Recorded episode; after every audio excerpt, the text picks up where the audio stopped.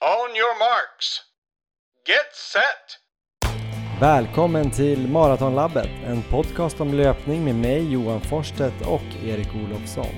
Det här 64 avsnittet är ett frågeavsnitt där vi svarar på frågor om bland annat kost, löpbandsträning och vem av oss som är snabbast på 1500 meter.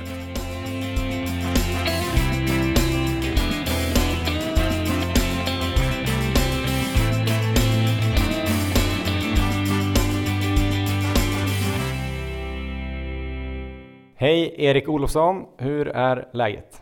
Tjena Johan, det är bra här. Hur är det själv? Det är väldigt bra. Men innan jag utvecklar det så tänkte jag också välkomna alla lyssnare till det här 64 avsnittet. Ett väldigt speciellt avsnitt, ett frågeavsnitt. Jag vill också tacka Löplabbet för att ni tror på oss och stöttar oss i vått och torrt här mot Valencia. Löplabbet är ju en grym butik för eh, löpare, eller hur Erik? Absolut. Det säger vi inte bara för att eh, de stöttar oss utan där finns det mesta. Grym hjälp både i butikerna och eh, sen kan ni också handla på webben. Eh, stort tack! Men åter till starten här Erik. Du mår bra eller? Ja, jag sa ju det i förra avsnittet tror jag att då sa jag så här att om jag sitter och är nöjd om två veckor och träningen har gått bra då ser det riktigt lovande ut inför Valencia. Och nu är vi där och träningen har gått riktigt bra de sista två veckorna. Härligt. Så jag är tokladdad. Lite överladdad nästan ska jag säga. För det här poddavsnittet? Eller för Valencia? ja, lite allting tror jag.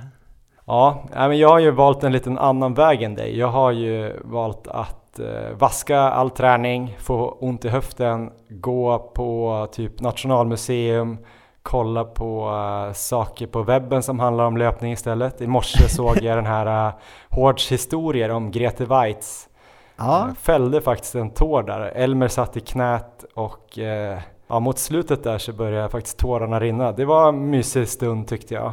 Sen ja. åkte vi in och kollade på uh, den här damen med slöjan på Nationalmuseum bland annat. Och så lärde jag mig att August Strindberg inte bara var författare, han var även konstnär. Visste du det?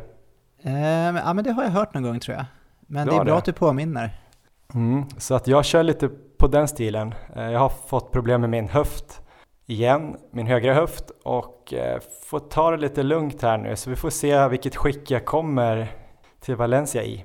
Ja, kan du springa för tillfället eller hur är statusen? Alltså det dök ju upp här, mitt knäproblem som jag hade inför Lidingöloppet, eh, det har ju försvunnit. Det är jag väldigt tacksam för. Eh, hälsenorna känns ju bra faktiskt, men den högra höften har spökat lite här sista veckorna Eh, och det blev lite värre av ett pass jag körde här förra lördagen. Alltså nu är det väl eh, 8-9 dagar sedan. Då hade vi ju sprungit det här DMet i Uppsala, 10 000 meter och sen eh, kom förra avsnittet ut på fredagen. Då skulle jag springa ett pass där jag skulle springa 12 kilometer tror jag, lugnt och sen 3 gånger 5 kilometer i fyra fart. Eller om det var 5 gånger 3 kilometer. Ja, med ganska en kilometers flyg, flytvila. Ja, men ganska hårt och kanske lite för nära in på eh, DM där, 10 000. För min kropp var helt orkeslös så när jag skulle börja med maraintervallerna där så kände jag direkt att det tog stopp och det var typ orkanvindar ute så jag eh, joggade faktiskt någon kilometer till och sen stack jag hem istället. Ja, hur många dagar var det från DM fram till det passet? Sa du det? Ja, det var tisdag vi sprang DM och det här var på fredagen, så jag hade haft två vilodagar. Eh, men bröt ju det här passet då innan jag ens hann komma igång, så då hade jag inte ont i höften riktigt.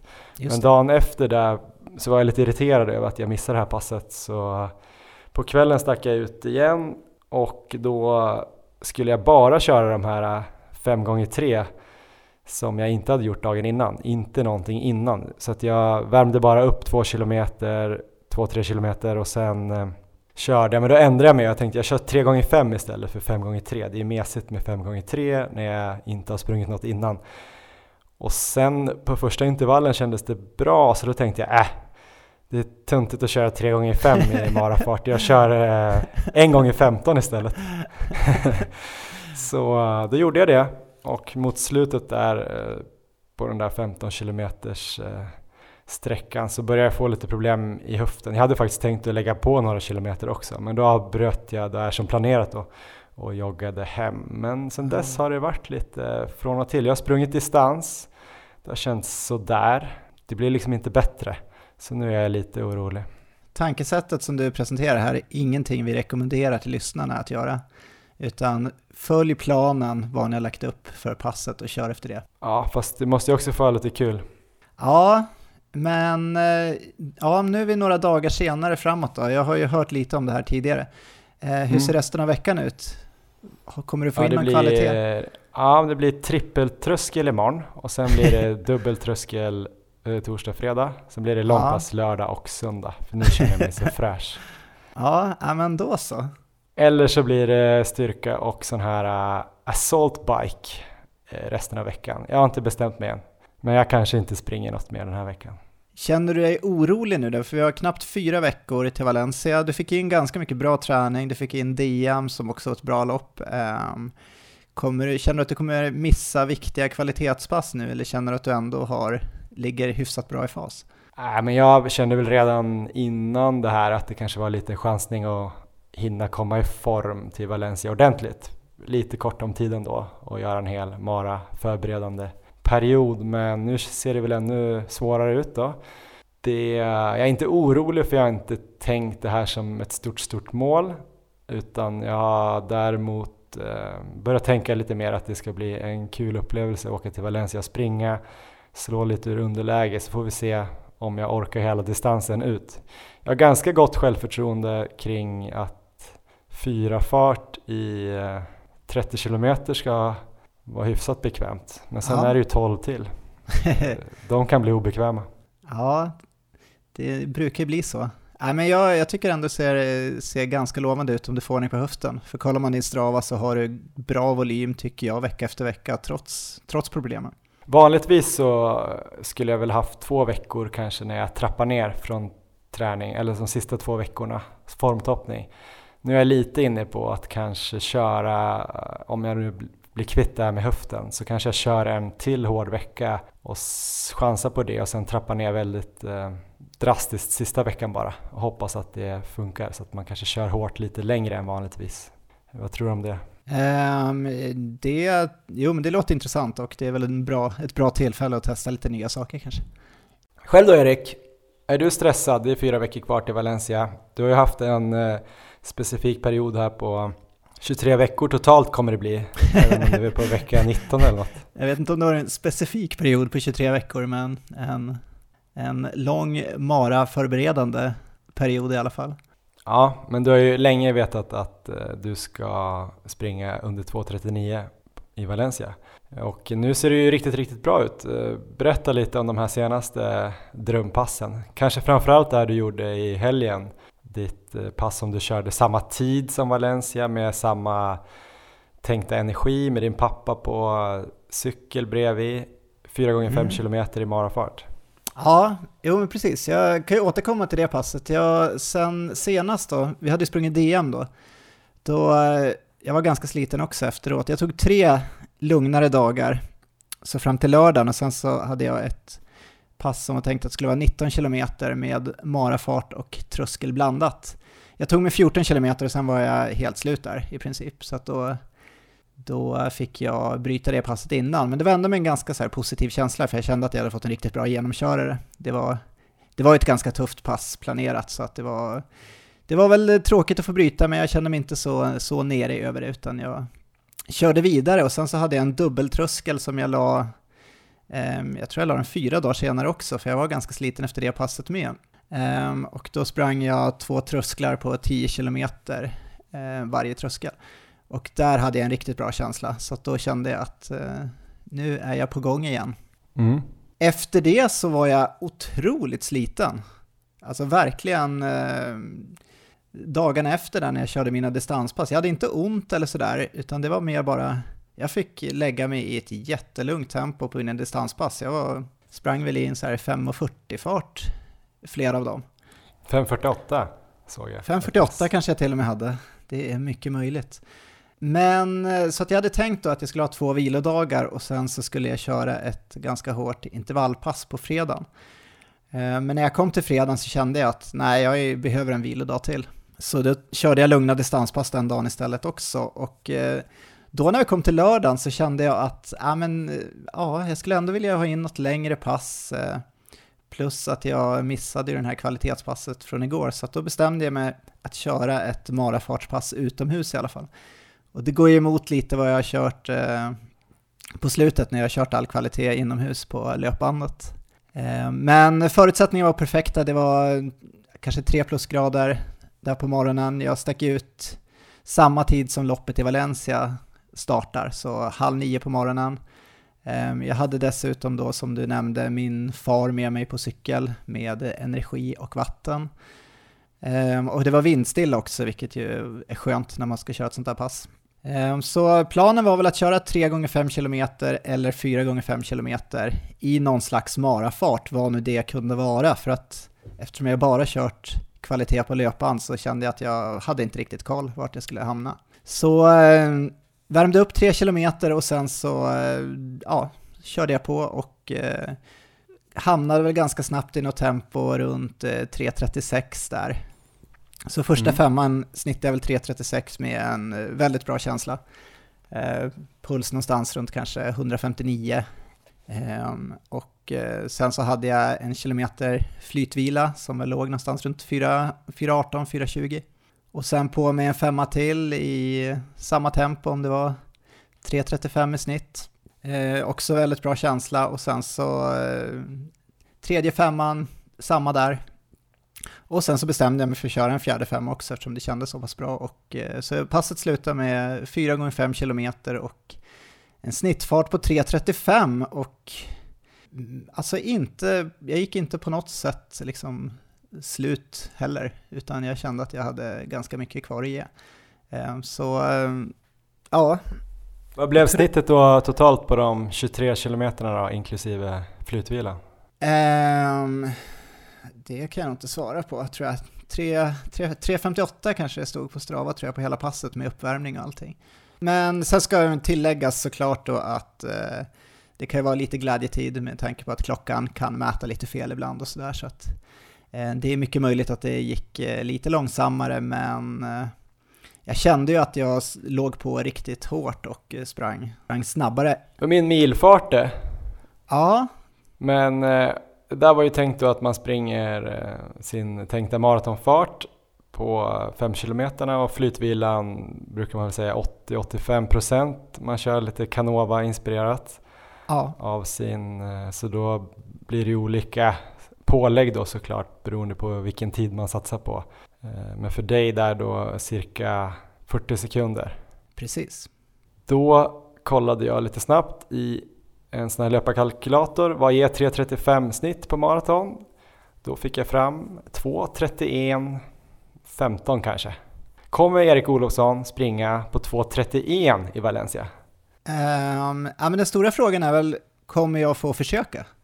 Skulle jag säga. För, ja, nu får du väl gå under 2.30 tycker jag. för jag känner, mig, jag känner mig väldigt motiverad och jag känner ju att jag vill jag, jag vill nog gambla tror jag i Valencia och eh, kanske riskera att eh, gå in i väggen igen.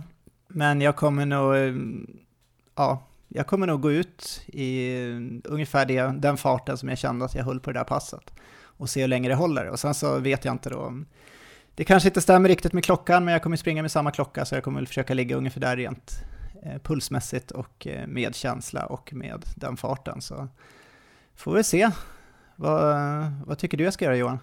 Jag tycker du ska också lära dig att uh, multiplicera din fart per kilometer med kilometermarkeringarna på banan i Valencia. Uh, så att du ska stämma av, inte bara med din klocka. Jag kommer ihåg hur det gick i Madrid eller vad det var, när allting mm. flippade ur där. Så att du ska ju gärna stämma av, i alla fall varje femma. Uh, så att du ligger då ungefär på 18 minuter varje femma lite strax under i sådana fall. Så att det inte spårar ur fullständigt när du ska gambla och springa första fem på 16.30 Och sen kommer jag komma ikapp dig och få bära dig runt. Ja, det är ett uh, inte omöjligt scenario. Men du vet ju att det kanske inte blir någon mer podd någonsin om du inte klarar eh, SM-kvalgränsen i Valencia. Har jag de no kraven pressure. på mig också? Ja. Uh, nej men vi Vi får väl se. Jag tror, jag tror inte jag har det i mig i alla fall att köra något sånt här.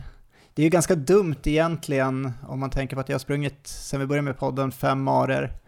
Jag har brutit en, jag har ju missat målsättningen i två stycken.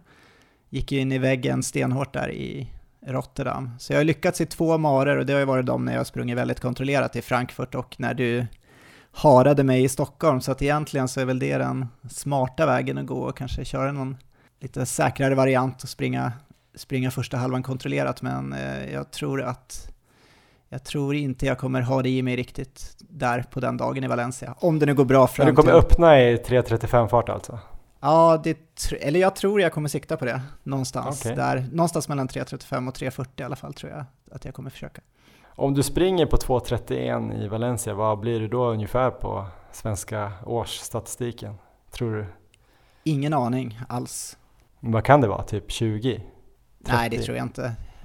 Det är nog ganska många som är under 3.30 ändå tror jag. 3.30 är det nog många under, men du ska ju under 2.30 eller? Alltså jag ska ju inte... Jag, jag, tror väl jag kommer hamna någonstans, eller jag borde hamna någonstans mellan 2.30 och 2.40 om jag inte då väggar stenhårt, vilket är mycket möjligt. Sen så är väl frågan, frågan vart jag hamnar där det känns ju väldigt, väldigt oklart just nu. Ja, det fina med det här är ju att vi lägger ihop våra tider och sen gör vi ett snitt på det och så är ja. liksom, tävlar vi mot andra löparpoddar i Sverige ja, så räknar vi snittet. Så jag också får vara med på ett hörn på snabba tider menar jag. Men eh, själv då Johan, kvarstår 2.50 målet? Eller 2.48 målet till och med? Ja, men det ska jag satsa på, absolut. Det vore kul att gå under 2.50. Eh, så det kör vi på. Mycket sån här assault bike, eh, muscle ups och eh, hip thrust med tunga vikter så ska det nog gå vägen det där. Och så ett par riktigt snabba Vaporfly Next på där. Och en härlig kost eller näringsplan och ett eh, glatt sinne med mycket konst i hjärnan. Då ska det nog gå. Härligt! Ja, nej men nu ska vi kanske dra igång det här fantastiska eh, avsnittet vi har. Vi kom ju på en idé där att vi skulle ha ett frågeavsnitt. Lite hybris kanske, jag vet inte. Vi var lite oroliga att vi skulle få in typ två, tre frågor. Då hade jag förberett eh, lite olika alias på Instagram där jag tänkte att jag kunde slänga in lite extra frågor och sådär. Ehm, så att det inte skulle eh, bli pinsamt. Men jag behövde ju aldrig använda dem. Vi fick in otroligt mycket frågor Erik. Ja, det var jättekul. Det var extremt kul, så tack till alla som har skickat in frågor och tack till alla er andra också såklart. Um, för att ni inte skrev några elaka saker. Men eh, vi kommer ju omöjligen tyvärr kunna svara på alla de här frågorna vi har fått in under det här avsnittet. Men vi har faktiskt skrivit ner alla som har kommit in. Eh, vi har dem i ett dokument. Vi kommer ta ganska många nu hoppas vi. Några kommer kanske till och med bakas in i ett helt avsnitt. Vi har tänkt kanske till exempel göra ett styrkeavsnitt till. Det finns ju ett redan eh, från förra säsongen. Men det kom in så mycket om styrka nu så vi funderar på ett styrkeavsnitt, kanske nästa avsnitt redan. Just det. Eh, sen eh, vissa andra frågor kanske vi går in och bara svarar direkt på Instagram där under inlägget. Och några andra sparar vi och kanske pytsar ut i avsnitt här och där eller gör ett till frågeavsnitt ja, det kanske blir nästa säsong då, om du nu klarar SM-kvalgränsen i Valencia. Eh, så någon sån tanke har vi och vi kommer eh, börja här med en fråga som eh, du har valt ut Erik, så vi kör igång helt enkelt. On your marks, get set! Ja, men då har vi fått en fråga här från Jenny Heldén som undrar vilka är era största missar? Vad behöver man inte prova själv? Och jag tänkte du skulle få börja där Johan. Jag har ju sett den där eh, frågan, men jag har inte hunnit tänka så himla mycket på alla de här frågorna. Det blir väldigt improviserat här. Ja, men det är bra. Så jag tror nog att du får kanske hjälpa mig lite. I träningen, jag har så svårt att komma ihåg. Alltså det är lite de här grejerna nu när jag har dragit på mig skador. Det är det som ligger färskt i minnet. Ja. Eh, och det kanske då är eh, efter den här tredagarsloppet tre dagars loppet i, på västkusten, West Coast Trail. Eh, kanske det var ett misstag i sig att köra så pass hårt tre dagar i rad. Kuperat, 75 kilometer totalt. Men det var ju fantastiskt kul så jag kan inte se det som ett misstag. Och jag hade tränat ganska bra. Men däremot eh, ganska snabbt inpå där så sprang jag ju Stockholm halvmaraton som hare på 1.24 vilket ju inte är jätte, jättelätt för mig med tunga ben. Och sen några dagar efter det drog jag på ett riktigt hårt eh, intervallpass här med Per Wimmercrantz. Kuperat Just det också i tröskel. Mm. Så om jag skulle ta fram någon grej här så tror jag typ att springa på pass, framförallt när man springer med någon annan. Ja. Eh, och man har en känning men man, liksom det blir någon typ av grupptrycksgrej, att man eh, inte säger ifrån att äh, jag måste skippa sista intervallen eller jag måste dra ja. ner farten eller jag måste stanna här och gå till tunnelbanan och åka hem. Alltså jag menar, det är ju jättelätt om man får en skada verkligen. Då måste man ju sluta, en bristning eller man vrickar sig eller vad det nu är. Men just när man har den där lilla känningen, att våga avbryta då. Du har ju blivit sjukt bra på det.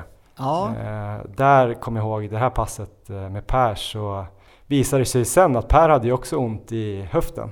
Så han har ju inte sprungit sen dess heller. Nej, okay. Eller heller, han har inte sprungit sen dess och jag har haft problem med knät och höften sådär. Så det kanske är en lärdom jag har gjort. Men du kanske har kommit på någonting annat som jag har gjort dåligt? Nej, men jag är väl lite inne på samma sak där när det gäller dig, att du kanske behöver eh, framförallt lite mer återhämtning efter dina tuffa lopp eller tuffa pass. Sen så det jag pratade om förut är också lite det här med, jag skulle vilja ha ner din distansfart lite, men det kanske du redan har börjat få ner, tror jag. För jag tror att eh, lite mer polariserat mellan kvalitet, kvalitetspassen och distanspassen. Mm. Vad ligger det nu på i distansfarten ungefär om vi får ett spann? Ja, just nu har det väl varit mellan kanske 4.55 och 5.30. Men ja, ofta när det har gått lite långsammare så har jag också haft löpvagn. Så då ja. känner jag att man kanske måste dra av minst 10-15 sekunder per kilometer eller något. Så då kanske man kan säga 4.15 till 5.15. Nej, 4.55 till 5.15 menar jag såklart. Ja. Eh, så jag vet inte, men jag har ju lite annan känsla där. Eller det är just det här med att jag tycker att mitt steg blir så, så dåligt i långsamma farter. Men jag får väl jobba på det där. Själv då Erik, vad är den största misstagen du har gjort som man inte behöver göra? Jag har gjort så många så att det här är ju, jag skulle kunna ha, vi skulle kunna ha ett helt avsnitt om bara det här. Men jag måste välja ut någonting och då kommer jag välja, Ehm, jag kommer välja den här grejen tror jag, att jag hade någon slags, när vi startade med podden så var jag lite livrädd för att köra gälls. Ehm, och tanken med det var ju att eh, jag hade sprungit några marer där och eh, mått väldigt dåligt i slutet av de loppen. Och eh, i slutet av de loppen, eller även under, så hade jag ju provat att ta i.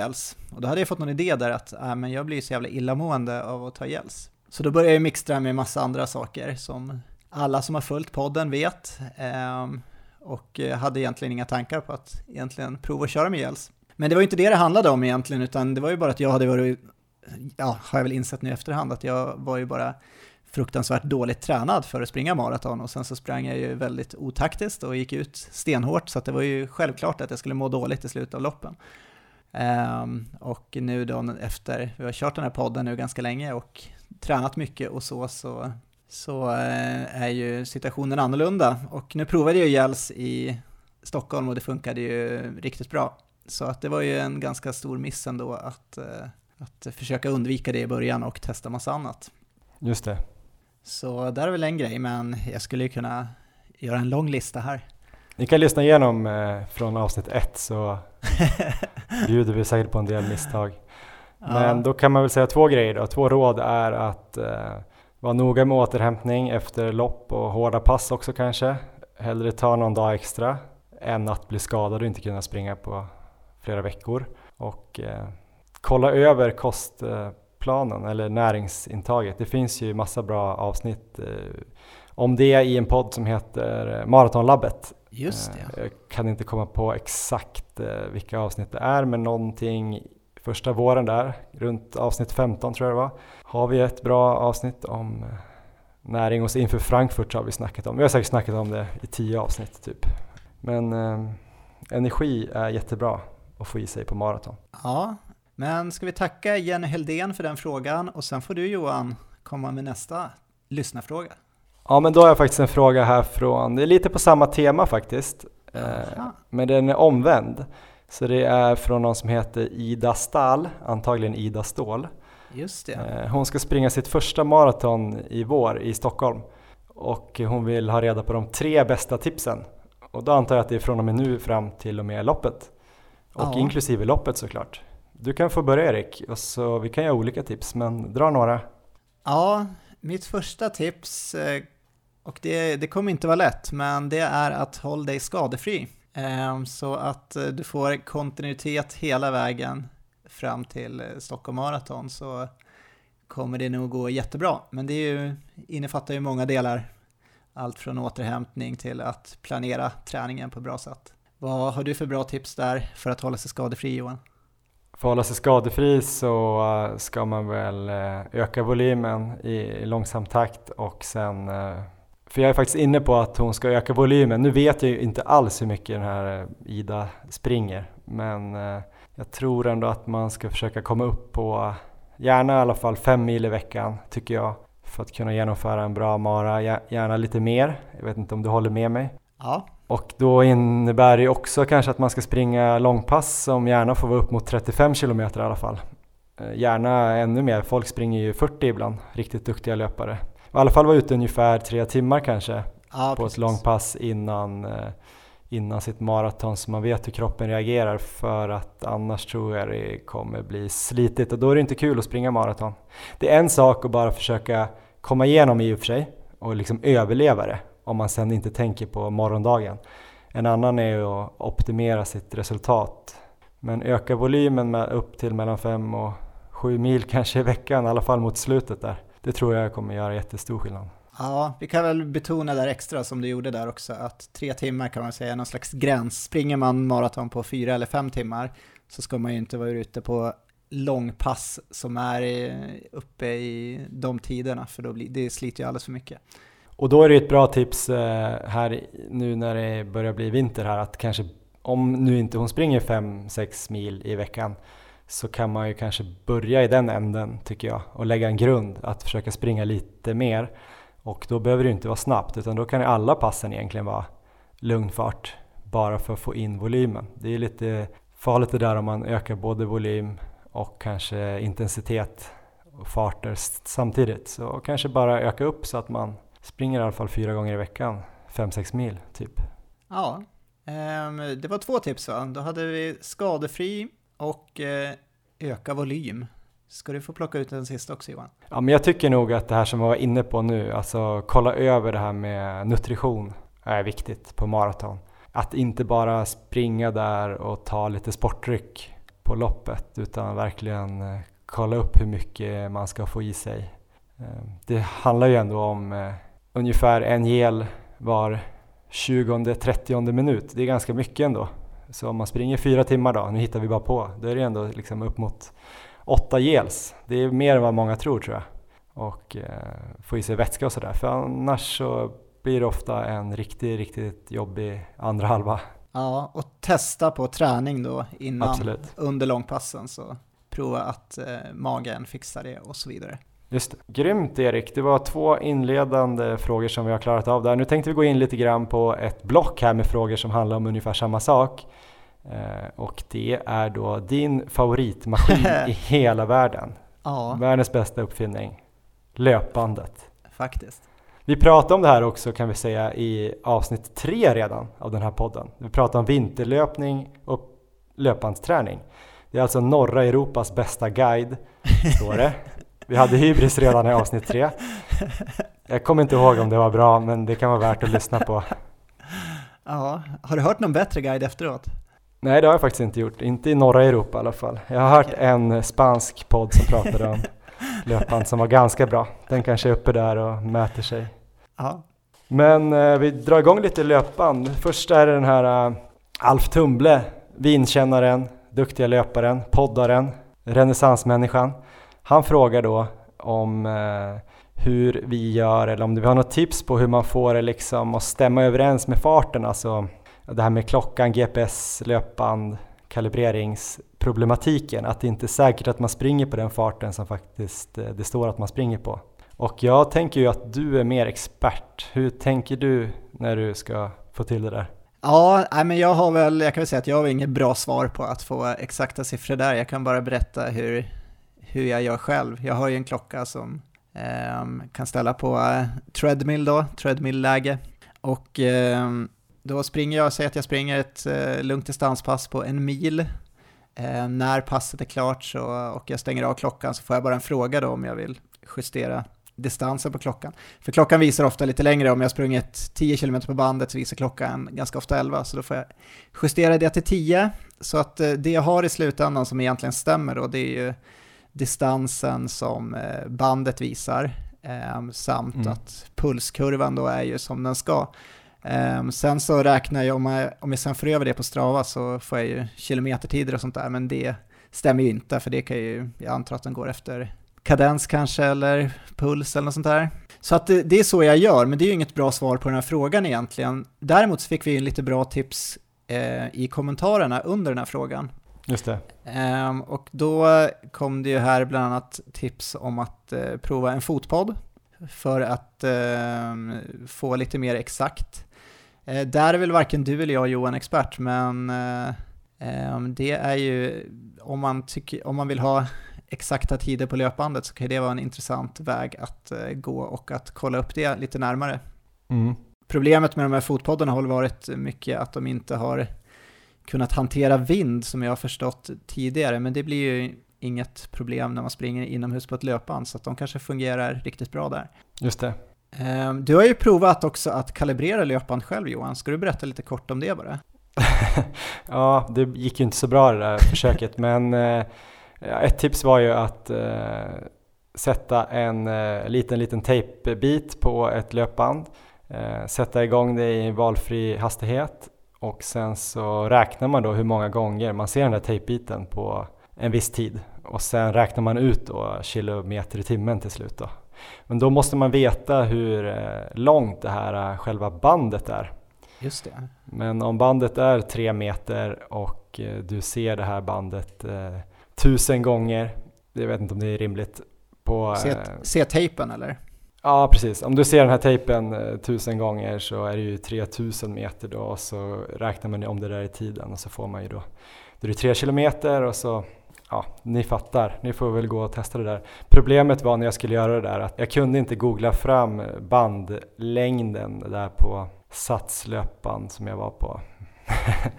Men eh, det är ju det är ett sätt man kan göra det på och då om man gör det på en maskin om man nu går på gym Eh, så kan man ju köra bara på den maskinen, lite grann som du gör, eller det löpbandet. Ja. Och försöka alltid få den då. Det blir lite problematiskt då när man ska, som du då, stå och vänta i kö på ett visst löpband fast det finns andra lediga. det, man verkar ju lite konstig kanske. Är det så jag gör? Jag har hört ryktas om det. Ja. Nej, men jag vet inte. Jag tänker mycket på puls och så får jag väl, och känsla typ, om det känns rimligt om jag ska springa. Som när jag gjorde den här dubbeltröskelförsöket och körde väl på 3.45 eller vad det var. Så kollade jag väl lite pulsen om det kändes rimligt att eh, ja, den skulle vara, att det var rätt. Men det är ju lite vanskligt, men man får väl tänka lite mer så att det fortfarande är bra träning och förhoppningsvis kör man väl inte alla pass på löpan. Men det kommer också till en annan fråga här då. Ja. Jag tänkte på den här frågan från Thomas Evers. Är det en hund där Erik? Har, har du skaffat hund? Jag måste kolla. Han är inte här inne i alla fall, men det är en väldigt arg hund utomhus. Ja, det är bäst du passar dig tror jag. Ja. Håll dig inne. Eh, nej, men han frågar i alla fall om eh, när man kör längre trösklar på löpband, om man ska hålla jämn fart på bandet eller om man ska sänka farten, alltså liksom få upp pulsen för han har liksom då, han upplever att farten blir låg på slutet för att inte, att han ska hamna långt över tröskel. Så han menar väl att han börjar, säger att man börjar på 3.45 och så vandrar ju pulsen upp till, ja till ens tröskel och sen tycker han inte att den land, stannar där utan han, eh, den går för högt egentligen så han måste sänka. Hur gör du där? Jag springer i jämnt tempo hela vägen och eh, pulsen startar ju lite lägre första kilometern, kilometrarna och eh, vandrar ju sakta uppåt och sen blir det väl, brukar det bli en ganska stabil nivå tycker jag ändå ganska långt in i passet och sen så på slutet kanske den går upp lite mer ändå men jag kör jämnt tempo hela vägen och ser det inte som något stort problem att eh, eh, sista två kilometerna kanske att pulsen är lite högre. Eh, men det beror helt på såklart hur mycket, hur högt pulsen går. Men hamnar den då alldeles för långt över tröskel då, då har han väl sprungit på lite för snabbt, känns det som. Ja, det känns ju som att han är lite ivrig då att komma upp i tröskel. Ja, som jag kör 10 km tröskel till exempel så är det ju inte, det är inte 10 km i tröskelpuls utan Nej. Det, det är ett mindre antal kilometer. Ska vi ta någon till här på löpans eh, temat? Ja, men det kan vi göra. Vi har också fått en fråga här av, eh, vad står det, Ludav Chris. Eh, vad är knepet för att mentalt klara av löpbandet, är frågan. Och då skulle jag väl säga att en sak man kan göra är ju det vi har varit inne lite på, det är att eh, prova ut det bästa löpbandet på gymmet. Alltså testa lite olika löpband, för de går, de går olika tungt. Eh, vissa går mycket lättare än andra och jag tycker att kör på de som går lättast. De som liksom känns bäst. Eh, det är mycket mer motivationshöjande att springa på ett löpband som går lätt än de som går riktigt tungt. På mitt gym till exempel så har jag sex stycken löpband. Tre är av en variant som går väldigt tungt och tre är av den andra varianten som går eh, betydligt lättare. Eh, jag har testat också att springa först på ett av de som går tyngre ett par kilometer och sen bara direkt byta till ett av de löpbanden som går lättare. Och på samma fart så skiljer det cirka åtta slag pulsmässigt. Så det är stor skillnad.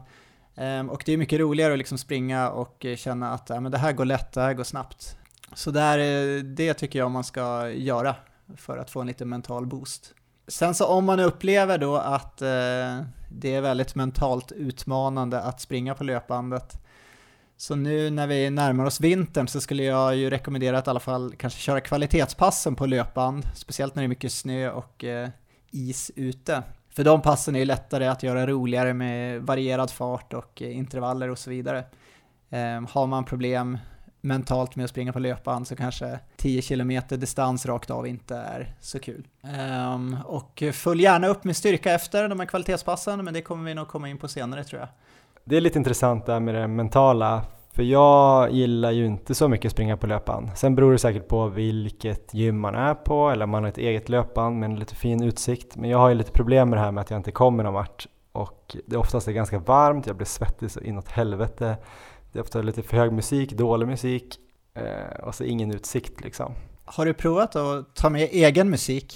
Jag tänker om den är dålig? Nej, jag brukar inte springa med egen musik i lurarna. Jag har faktiskt beställt ett par eh, trådlösa hörlurar nu. Inga sådana här supergymlurar, bara några här vanliga. Eh, det är möjligt när de kommer hem att jag kommer testa att springa lite ja. på gymmet med dem. Men med sladd blir det ganska jobbigt tycker jag. Så vi får väl se. Jag kanske borde köpa ett par eh, vattentåliga sådana riktiga gymlurar. Annars samma som du där Erik, mentala strategier att här, korta upp det och köra lite så här uppförsintervaller eller alltså korta ner sjoken på något sätt. Men det, mm. vi tänkte, snackade ju också om det lite grann just eh, det slog mig när vi sprang 10 000 på bana där att det också var ju ganska enformigt även om man fick springa på liksom och se lite olika delar av en löparbana fast det var ju 25 gånger man såg de där olika grejerna. Och där kan jag tänka mig att eh, du hade en liten fördel mentalt gentemot mig just för att du kanske är lite mer van vid det här monotona. Att du har strategier för att bryta ner det. Ja. Att kunna stå ut med det. Jag säger inte att det var därför du krossade mig med två och en halv minut men eh, jag menar bara just eh, att bita ihop när det är ganska långt kvar och det känns som att det är inget som stimulerar hjärnan riktigt. Så kan det säkert vara, så är det ju på maraton ibland också, att det är ganska tråkigt. Man kommer till ställen där det är ganska folktomt och man börjar bli trött och fundera på varför man håller på och springer så här långt på asfalt och sådär. Ja, absolut. Då kanske de här långa löpbandssjoken inte är så himla dumma egentligen. Så tänk så också. Tänk att eh, det är träning eh, för den mentala styrkan att springa. Ja, och det har, jag, det har ju andra fördelar också. Det är ju, jag upplever det i alla fall som betydligt mer skonsamt än att vara ute och springa på asfalt. Ett stort plus tycker jag är närheten då till styrketräning. Att man liksom har gjort, sin, gjort sitt löppass och är redan uppvärmd och kan bara gå på direkt och köra styrketräning efteråt. Eh, så mm. blir det av också. Och sen så, just det här med att lätt hålla koll på farter och på distans och så vidare så gör ju att man får en, eh, man har det ganska lätt att få en överblick över förbättringar man gör. Om man kör ungefär samma pass. Eh, så kanske det är svårare att ha utomhus med yttre förutsättningar, temperatur och vind och så vidare. Grymt, det var lite om löpband. Jag tror vi släpper resten av frågorna på det ämnet. Ni får gå tillbaks till norra Europas bästa guide i avsnitt tre och lyssna lite mer om löpband om ni vill. Vi kan försöka svara på de andra på Instagram tror jag. Då har jag en fråga Erik, vi plockar en annan. Det är då Lars Sellberg 77 och Manne Forsberg här som är inne på Just samma grej. Det. Vem av oss två är egentligen snabbast på 1500 meter och sen lägger Manne till också 3000 meter? Spännande. Vad tror du? Um, jag tror ju att jag skulle ha betydligt bättre chans på 3000 meter än på 1500 i alla fall. Sen så, uh, jag vet inte faktiskt. Haha, du vågar bara inte säga att det skulle vara du. Snäll. jag, tror vi, jag, jag, tror vi får testa. Kan det vara någonting efter, dagen efter Valencia, kanske på måndag? Det kan det bli. Då Aha. tror jag att jag har eh, bra chans. Vi kan springa till tåget där på morgonen. Vi ska ta tåget upp till Barcelona klockan sex eller vad det var. Ja. Nej, men jag tror så här, 3000 meter, eh, helt klart i nuvarande form. Du skulle krossa mig. Erik alltså, snabbast, glidaren. Och Manne skriver också så här, vem är snabbast då på de här lite kortare, gasell eller glidare? Erik har ju blivit en glidargasell. Det, är en, är det trumfar ju nästan gasellen. Det är liksom en gasell som tar fler steg. Så, det är, så jag tror att eh, det är kört för mig på 3000. 1500 meter är ju en sån klassisk distans eh, där det är någon sorts brytpunkt. Man kan komma från olika, från båda sidorna, antingen den uthålliga sidan eller ja. kanske den mer sprintiga sidan. Därför är det intressant där att det är runt, eh, ja det blir 3.30 på när de bästa springer och det, det är en intressant tid där när man använder ganska mycket så här anaeroba processer också på slutet. Jag tror ändå att jag skulle få ganska svårt för dig just nu på 1500 också. Så jag tror att Erik vinner på båda de sträckorna. Däremot börjar man komma ner mot 800 ja. så kanske, kanske jag skulle kunna hänga dig och eventuellt spurta ner dig. Det tror jag. Eller var tror du att jag skulle slå dig? Alltså någonstans eller? 50 alltså, meter? 10 meter? alltså tar vi 400 neråt så kommer du vinna lätt. Och 800 tror jag också du vinner. Och 1500, där, där tror jag var ett intressant lopp. Ja, det kanske är så att just nu är det intressanta loppet på 800 faktiskt, eller en 1000 meters kanske. Eh, men jag ska försöka träna upp mig så att jag kan vara nosa på dig där på 1500 också. Sen får jag väl nog erkänna att jag alltid kommer vara slagen av dig på 2000 uppåt tror jag. Det kan finnas någon sån här uh, sjuk sträcka som jag kanske kunde skrälla på. Någon sån här 100 uh, miles om du går ut för hårt och typ får en stressfraktur eller något.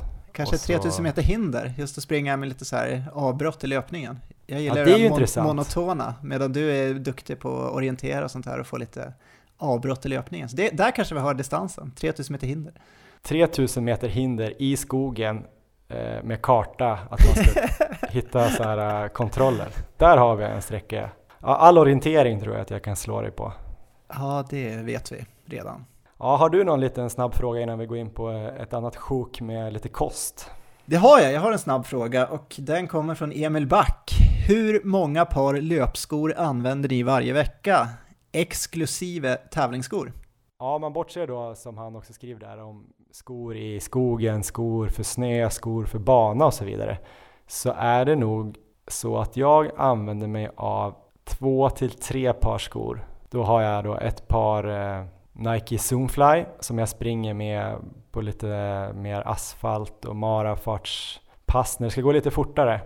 Och sen har jag ett par distansskor eh, Pegasus som jag springer i mesta distansen när det ska vara rimlig fart och sen har jag ett par eh, Hoka som jag skaffade här nu för att testa lite grann. De kör jag nästan bara på återhämtningspass när jag bara lufsar runt. Så det skulle väl vara svaret, det är väl tre par då. Själv då? Um, ja, men just för tillfället så kan jag säga att jag bara har två par egentligen som jag springer i. Och det är utomhus springer jag ett par Pegasus och det är ju nästan bara eh, lugna distanspass som jag springer utomhus. Något långpass kanske, men då är det också varit ofta, ofta i lugnare tempo under den här perioden. Och inomhus så springer jag ju all min kvalitet och även en del distans och då använder jag Zoomfly. Så att jag, mm. man kan väl säga att det är två par just nu. Skulle jag springa mer kvalitet utomhus så skulle jag också kanske ha ett par Zoomfly som jag springer utomhus i. Mm. Så ja, that's it. Men vi går in lite på kost då, för vi fick väldigt mycket kostfrågor också Erik. Där Just har vi också ett eh, kostavsnitt som vi vill eh, tipsa om och det är avsnitt 25 där vi intervjuar då SOK, Sveriges Olympiska Kommittés kostrådgivare Linda Backman. Hon har också skrivit den här boken Maten bakom resultaten heter den va? Ja. Det är ett bra avsnitt, men om vi ska ta lite om eh, kost här också då, då ska jag bara hitta de frågorna. Jag, kan, jag har dem framför mig Johan. Okej, du börjar då. Ja, jag kör här. Vi har fått en fråga först från Fredrik Altberg. Och det är, hur äter ni under en vanlig träningsdag? Så då tänkte jag att du får börja där Johan. Alltså jag äter helt normalt bara. jag vet inte vad jag ska svara på den lite grann. Det beror helt på vad en vanlig träningsdag är. Ska jag bara springa liksom eh, 10-12 km distans som kan vara en träningsdag för mig så äter jag typ som man gör. Alltså jag, jag vet inte, för mig, okay. jag äter frukost, eh, jag äter frukost, eh, lunch, middag och sen äter jag ofta ett mellanmål på eh, förmiddagen och ofta något på eftermiddagen. Om jag verkligen får bestämma så springer jag gärna strax innan lunch om jag bara ska springa ett pass. Eh, och då äter jag frukost vid åtta, fil, müsli eller gröt, en macka, ett ägg, kaffe och sen kanske jag tar någonting lätt om jag är hungrig direkt innan passet. Annars så brukar jag ju då försöka få i mig någonting direkt efter passet om jag inte har lunchen klar. Men annars gillar jag att äta lunch direkt när jag kommer in från mitt pass. Jag försöker nog ofta tänka så att eh, jag gärna vill träna så att jag sen äter ett stort mål efter. Om du förstår vad jag menar. Så antingen att jag tränar då strax innan lunch eller att jag tränar strax innan jag kommer hem och käkar middag. Jag gillar inte så mycket att äta middag, sticka ut kanske vid åtta och springa och sen bara ta lite fika på kvällen. Då känner jag att det blir lite sämre återhämtning. Så det är väl typ det jag tänker på. Och sen om jag ska springa långpass eller något riktigt hårt intervallpass, då tänker jag ju såklart eh, mer så som man skulle tänka för en tävling. Att man äter minst två och en halv timme innan. Inget så riktigt tungt, man kanske inte drar en stek eller en pizza. Kanske inte så mycket fibrer om man ska ut på långpass. Långpass är ju skönt att springa på morgonen, man bara har kanske lite lätt frukost i magen. Så det kan ju vara ett tips. Du då Erik? Um, jo, vi kan ta bara en tilläggsfråga här också från Kristoffer Holm som undrar lite om kosttillskott. Är det någonting som du tar under en normal dag? Nej, alltså det jag gör eller har gjort i perioder det är att jag har haft lite så proteinpulver bara. Så att jag försöker ofta fokusera på att få i mig rätt mängd energi totalt då, för det är ju viktigt för att kunna orka träna och då snackar vi ju kolhydrater och fett och ja, framförallt. Och framförallt kolhydrater, att man fyller på med, ja, äter mer pasta eller bröd eller ris eller vad det nu kan vara eh, om man tränar riktigt hårt. Men sen eh, en annan grej som jag har känt är väl att om man äter en måltid som råkar vara lite proteinfattig. Så då kanske jag kan tänka mig att eh, fylla på där med protein. För det är viktigt att få i sig protein så att man kan bygga upp eh, cellerna och musklerna efter träning. Så det är nästan protein jag är mest eh, nojig för att jag ska få gå för tom liksom. Just det. Du då Erik, du kör lite vitamintillskott va? Ja, det gör jag på morgonen, bara någon sån här vad heter det, multivitamintablett som man köper på apoteket. Inga konstigheter, mitt val tror jag den heter. Sen så kör jag lite äppelcidervinäger på morgonen, en shot, för att förhoppningsvis hålla mig frisk lite bättre. Vet inte mm. om det har hjälpt, men jag tycker jag har varit sjuk mycket mindre än vad jag brukade vara tidigare i alla fall. Ligger det någon vetenskap bakom det, eller är det mer bara något du läst i någon hälsotidning? Det är nog något jag har hört, eller fått tips Men om det funkar för dig Erik så tycker jag att du ska fortsätta med det. Det är ju inte något dåligt i alla fall. Ja, rent mentalt så, det är, det är inte så gott men det kör jag. Men om jag tar en normal dag för mig då, så en normal dag kan väl innehålla till exempel två distanspass. Och eh, då kanske jag har Leon på morgonen, vi går upp och äter frukost eh, vid sjutiden och sen så följer jag med och lämnar honom på förskolan då vid åtta någon gång. Mm. Ehm, sticker iväg direkt till gymmet efteråt och kör ett eh, löppass fullt av kanske styrka. Yes. Sen så tycker jag det är ganska viktigt då när jag kommer hem där att få i mig någonting så fort som möjligt, alltså någon slags eh, lunch. Och tanken med det är ju att jag liksom ska få fylla på med kolhydrater inför pass nummer två. Och det är lite på tips också från Linda Backman när vi hade det avsnittet. Så det har jag tänkt mycket på, att eh, inte liksom komma hem och göra massa andra saker, utan där när jag kommer hem och vet att jag har ett pass fyra timmar senare, att verkligen se till att jag får i mig tillräckligt med kolhydrater. Eh, sen så eh, är det väl, eh, ja, blir jag hungrig så kan jag väl ta något mellanmål eller så där under, under dagen bara, det är inte så, jag har verkligen ingen så här eh, strategiplan som jag följer perfekt eller sådär. Så kör jag väl pass nummer två, käkar middag efteråt och eh, då, kan jag, då kan det dröja lite längre innan jag äter. Är jag väldigt hungrig så äter jag väl direkt efter passet, men annars så kan det ta en timme eller ett par timmar innan jag äter. Mm. Um, och uh, sen så äter jag väl säkert någonting mer på kvällen också. Jag är ganska, alltså jag tänker verkligen inte så mycket på um, vad jag äter, förutom att jag då vill få i mig tillräckligt med energi för att liksom klara av all löpning, för det blir ju mycket löpning. Vi äter allt hela tiden skulle jag säga, för att ja. inte, ja, inte må dåligt och, och sabba träningen. Alltså snarare att vi äter nog allt som alla äter, även skräp liksom. Ja. Sen äter inte jag svin mycket godis och kakor, men jag skulle nog kunna göra det. Jag gör ju det. Ja, nej men jag tror att du behöver det. Ja, jag har tänkt också på det, för att det, det är ju så här, man, man, skulle kunna tänka att uh, det här borde jag ju skippa så skulle jag bli en mycket bättre löpare. Det kanske jag skulle bli, men inte säkert. Alltså, för att uh, man behöver ju samtidigt få i sig en hel del kolhydrater och palla med träningen och när man springer så mycket då som jag gör just nu så känns det som att jag vet inte hur stor skillnad det gör. Kollar man till exempel på, jag har ju följt uh, Kipchoges träningsgrupp ganska mycket och läst artiklar och så vidare och mm. Eh, kollat vad de äter. Um, och de dricker mycket te med väldigt mycket socker mellan passen. Och det känns ju som att uh, det är väl någon tanke bakom det. De tycker väl att det är gott säkert, men också att ja, ladda på inför nästa pass. Och jag tänker att jag gillar ju inte te med socker, men då eh, behöver jag kanske inte ha så dåligt samvete om jag käkar godis då och då. Absolut inte. Nej men socker är ju kolhydrater, det är energi. Eh, så enkelt är det ju. Liksom. Eh, man måste få i sig energi för att orka träna och prestera. Så springer man som du 15-18 mil, ska mycket till att det är någonting som skulle vara dåligt för dig att äta lite godis. Så jag tror varken du eller jag har någon stor strategi som det låter, mer än att vi har det här lite inpräntat. Vi har liksom jag i alla fall gick ju någon sån eh, idrottsgymnasium, eh, eh, hemorts alternativ fotboll. Där hade man ju lite, kom ihåg redan då, att man gick igenom näringsämnen och vi fick göra några så mätningar en vecka vad vi käkade och så körde man det i någon databas och såg om man åt för mycket av något eller för lite av något. Och det var ett väldigt bra sätt att bara lära sig lite grann om hur mycket kolhydrater det är i olika råvaror och hur mycket man ska äta för att nå energibalans om man tränar. Då tränar man liksom 10 pass i veckan som 16-17-åring. Och eh, egentligen är det ju då ganska mycket bara att, att käka på, speciellt dagar när man tränar mycket. Sen om jag har en vilodag, då har jag, är min strategi att äta mindre. För då kommer jag inte göra av med lika mycket. Jag menar, springer man en timme distanslöpning, jag vet inte exakt i huvudet, men det är någonstans 600 kilokalorier som det bränner. Och det är ju då ungefär en portion, alltså mat, middag.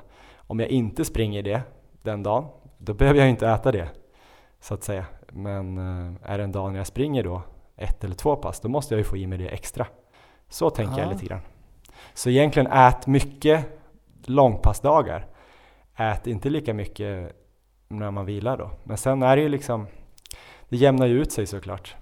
Det där är svårt med alltså. Jag är, då skulle jag bli riktigt hungrig tror jag.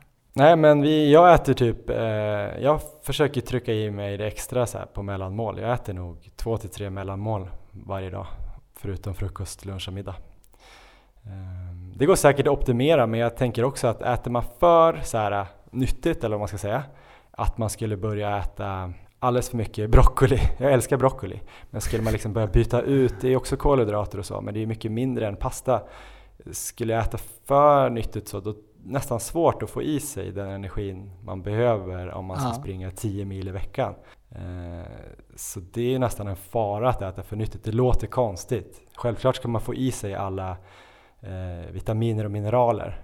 Men eh, om du sen då, när du har fått i dig det, för det behöver du ju inte mer av bara för att du springer mycket. Det är ju beroende på din storlek så behöver du en viss mycket mineraler och vitaminer som jag har fattat det. Sen behöver du energi. Om den energin då kommer från pasta eller ris eller juice eh, eller kanske smågodis det kanske inte är av så stor betydelse. Eh, typ så. Ja, jag ska göra en sak dock här som jag, jag är inne på dag två av det. Och det är mm. fram till Valencia så ska jag faktiskt dra ner på eh, godis, kakor och liknande. Eh, jag vet inte om jag kommer fixa det, men jag ska försöka i alla fall att eh, under de här sista fyra veckorna optimera det lite då, om, om det nu är att optimera. Ehm, jag har hört Mattias Fredriksson, gamla skidåkaren, bland annat prata om i Vinterstudion att han ofta gjorde så inför VM, att han åt på ganska liberalt under året, men sen just sista veckorna inför så försökte han göra allting då ganska perfekt och eh, tyckte väl att man kunde få lite mental boost också av det att man kommer in då på tävlingsdagen och känner att man verkligen har gjort allting man kan för att eh, stå där så väl förberedd som möjligt.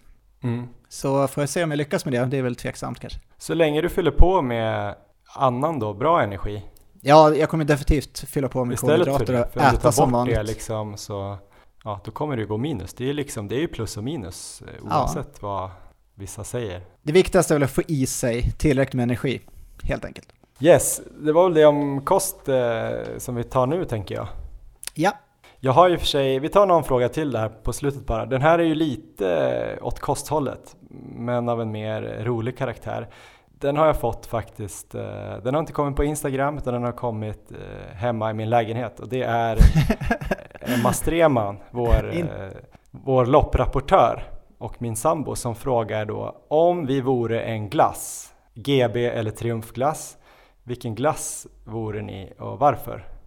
Du kan få tänka lite, jag har ju hunnit tänka lite grann ja. så jag kör först. Och jag har då valt eh, den här GB-glassen 88. Ja. Eh, och då är det då beroende på, det har ingenting att göra med Erik Lindros, alltså du vet den här eh, Philadelphia ja. Flyers killen som spelar i Legend of Doom med John Leclerc och Mikael Renberg där när vi växte upp. Han hade ju nummer 88 då. Det har heller absolut ingenting med sådana här vit maktrörelser som har 88. Det står ju också för HH, alltså det är, H är ju åttonde bokstaven i alfabetet så 88 kan ju då för vissa vara Heil Hitler. Absolut ingenting med det att göra, utan det är egentligen glassens karaktär. Den ligger i någon sorts mellanprisklass. Det är en ganska plain glass. Den är, det är vanilj och choklad. Eh, alltså en vaniljbas med ett chokladtäcke och sen är det lite så nötter på den ju. Eh, så det är ganska normal glass, medelstorlek, men den har något där lilla, lilla, lilla extra.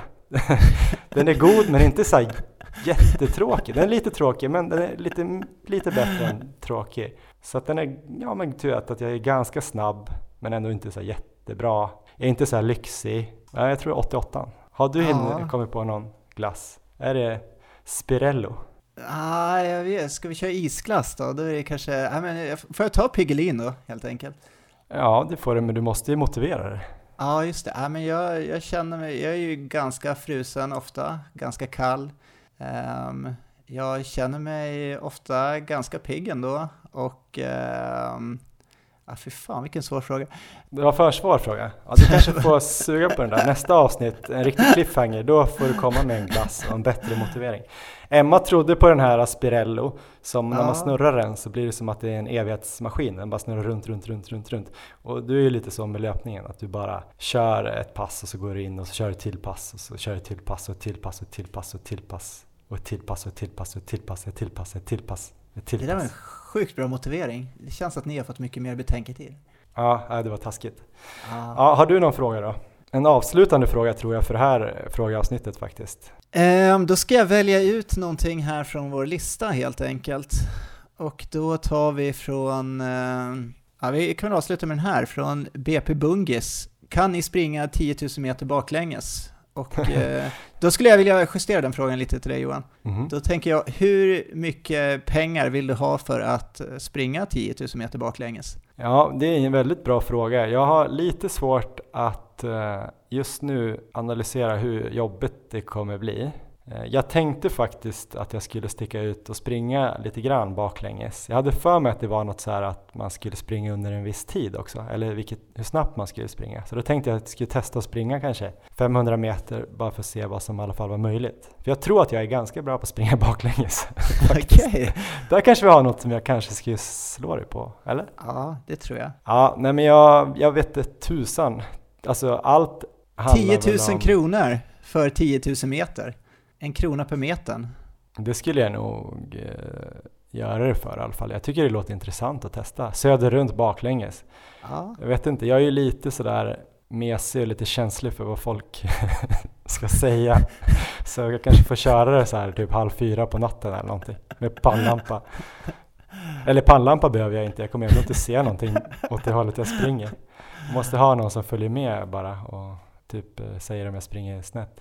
Jag lovar, när vi spelade i, eh, jag spelade i lite fotboll eh, i mitt tidigare liv höll jag på att säga och när jag höll på sista åren där spelade jag i eh, en division 3-klubb som heter inte mindre än Bagarmossen. Då hade vi någon inslag av det där i, i fysträningen. Att vi sprang baklänges intervaller på något sätt. Det var mer som en styrkegrej. Det svider ju i eh, rumpan och baksida lår här för mig. Att det är ganska jobbigt. Men jag var helt, helt, helt förkrossande överlägsen. Jag varvade ju folk på typ 800 meter. Så jag tror att jag har en talang där. Men eh, vi får väl se om folk kan hosta upp de här 10 000.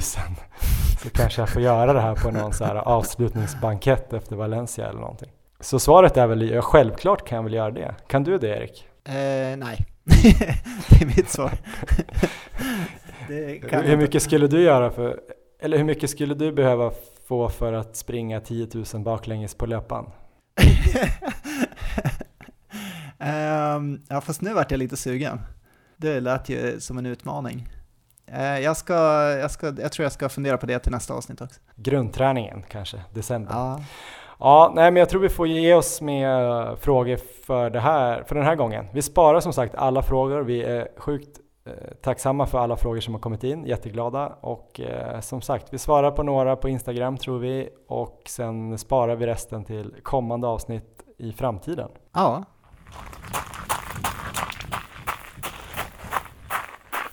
Vad händer framöver Johan? Framöver så, det är lite oklart nu, fyra veckor när vi spelar in, inklusive den här veckan, till eh, Valencia Marathon. Jag har ju inte haft den bästa veckan bakom mig och eh, får väl helt enkelt eh, sikta in mig på att eh, bli fräsch i min höft och sen få in de eh, nyckelpassen jag kan få in egentligen. Så vi får väl se här. Vi pratade lite igår när jag var ute och promenerade med Elmer om hur jag ska lägga upp det. Men jag tror att jag ska ta det ganska lugnt den här veckan faktiskt. Jag hade ju planer på att springa ett bra pass på fredag. Vi får se om jag fixar det. Jag ska köra lite eh, styrka och alternativträning här i alla fall tisdag onsdag.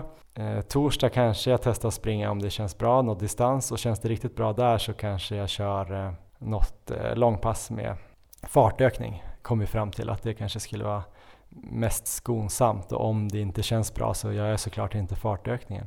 Men jag är lite inne på att kanske ta det lugnt hela den här veckan och eh, mm. hellre komma till Valencia, vara sugen på att springa och frisk i kroppen och kanske inte vara fulltränad och så får man väl se vad som händer efter 30. Hellre det än att liksom hålla på att dras med någon höftgrej hela vägen här en månad fram till loppet som sen kanske då kommer sitta i, i december och sabba lite in mot januari och nästa år och sådär. För jag tänker ju redan på nästa år ganska mycket. Just det. Själv då? Um, imorgon så är jag dubbeltröskel och uh, sista kvalitetspasset den här veckan är nog på söndag. Jag börjar försöka lägga in tre lugnare dagar mellan kvalitetspassen, för jag känner att jag har behövt det. Mm. Och det sista passet blir ett långpass som jag kommer springa kanske uppåt 35 kilometer och avsluta då i eh, marafart. Så då mm. får jag se helt enkelt om jag fixar den här marafarten som jag hade nu under förra passet. Så om jag fortfarande ligger kvar med kanske den målsättningen eller om jag är uppe på någon slags 2.45 målsättning efter det passet. Det kommer nog bli ganska avgörande det passet tror jag. Mm. Um, men eh, det är väl de två passen då framförallt. När tänker du slänga in maratonfarten då? Um, efter två mil ungefär tror jag det blir. Jaha okej, okay. och så du ska springa 15 då rakt av efter det i? Nej, kanske en mil och sen så någon slags nedjogg ah, skulle mm. jag tro. Något sånt liknande pass har jag haft på näthinnan i planeringen, alltså runt 35 med inslag av höga farter. Kanske en mil lugnt och sen eh, någon sorts progressivt eh, ökning. Men vi får väl se om jag får in det, men jag känner att jag behöver få något pass till, eller några över 30 i alla fall, för att inte vara helt körd innan jag kommer till start där. Ja. Har du några tips Johan, slutligen här, hur ska vi hålla oss friska nu de sista fyra veckorna fram till Valencia? Ja, vi ska dricka äppelcidervinäger, var det det? Ja, varje morgon. Nej, jag vet inte. Jag sover mycket, sover minst sju timmar varje natt. Eh, det behöver immunförsvaret. Jag tycker att du som tränar så mycket som en elitidrottare borde nästan sikta på nio timmar, tycker jag. Ja. Eh, åtta timmar tycker jag alla andra ska sikta på. Eh, så det blir ingen katastrof om det blir sju. Men jag lyssnade lite här på den här Breaking Marathon Limits, den här norska podden med en ett pokerproffs och en sportjournalist som pratar om maraton, som är lite bättre än oss. Där skulle ju pokerproffset få springa med Sondre Moen och då berättade han ju lite om hur mm. de löpte. Han var ju där, Sondre i Italien, alltså Sondre Moen, eh, Europas bästa. Nej, nu är det väl eh, Mo Farah kanske är Europas bästa just nu, men han var väl Europas bästa maratonlöpare ett tag han, han, han, blir det nog igen efter Valencia tror jag. Just det, han springer Valencia och kanske går under 2.05 där. Vi får se. Han tränar väl med någon australiensisk löpare uppe i Sestriere eller vad det var. Då berättar de ju om sina dagar där, eller han pokerproffset då som gör typ 2.20. Christian Ulriksen kanske? Ja. Då var det ju liksom typ att de sov 9-10 timmar. De tränade väl ett pass på morgonen, eh, käkade lunch, sov efter lunchen, tränade på kvällen, käkade middag, gick och la sig typ 8-9 och sov i alla fall 9 timmar tror jag. Så där tror jag du ska ligga Erik. Ja, jag, eh, ska... jag har ju lite svårare med det där, plus att Elmer har typ varit förkyld sedan eh, ja, början av september tror jag. Jag har dock inte fått eh, hans förkylningar, så jag tror att det är sådana här som jag redan har haft som han har nu. jag har väl ett okej okay immunförsvar. Jag är ganska dålig på många andra sätt, men immunförsvaret är fan bra alltså. Vad säger du om den jinxen? ja, det här blir spännande. ja, jag må få en jävla massa kramp och skit, men immunförsvaret, där är det inte många som slår mig. Nej, alltså vi måste sluta här. Kolla på Instagram, Maratonlabbet, följ oss där. Tipsa era vänner om podden om ni gillar det här, eller om det är någon ni inte gillar och ni inte gillar podden, då kan ni tipsa om podden som ett eh, straff, eh, om ni hängde med där. Tack till Löplabbet för att ni stöttar oss. Kolla på Strava när jag kör sådana här assault bike eh, rapporter där eh, och styrka. Erik springer för oss båda. Ja. Eh, vi heter Erik Olofsson och Johan Forstedt. Ja, det var väl det. Har vi glömt ja, det, något? Nej, fan det blev långt här tror jag. Spårar ur? Ja. Hej då Spirello Piggelin Erik. Hej då 88.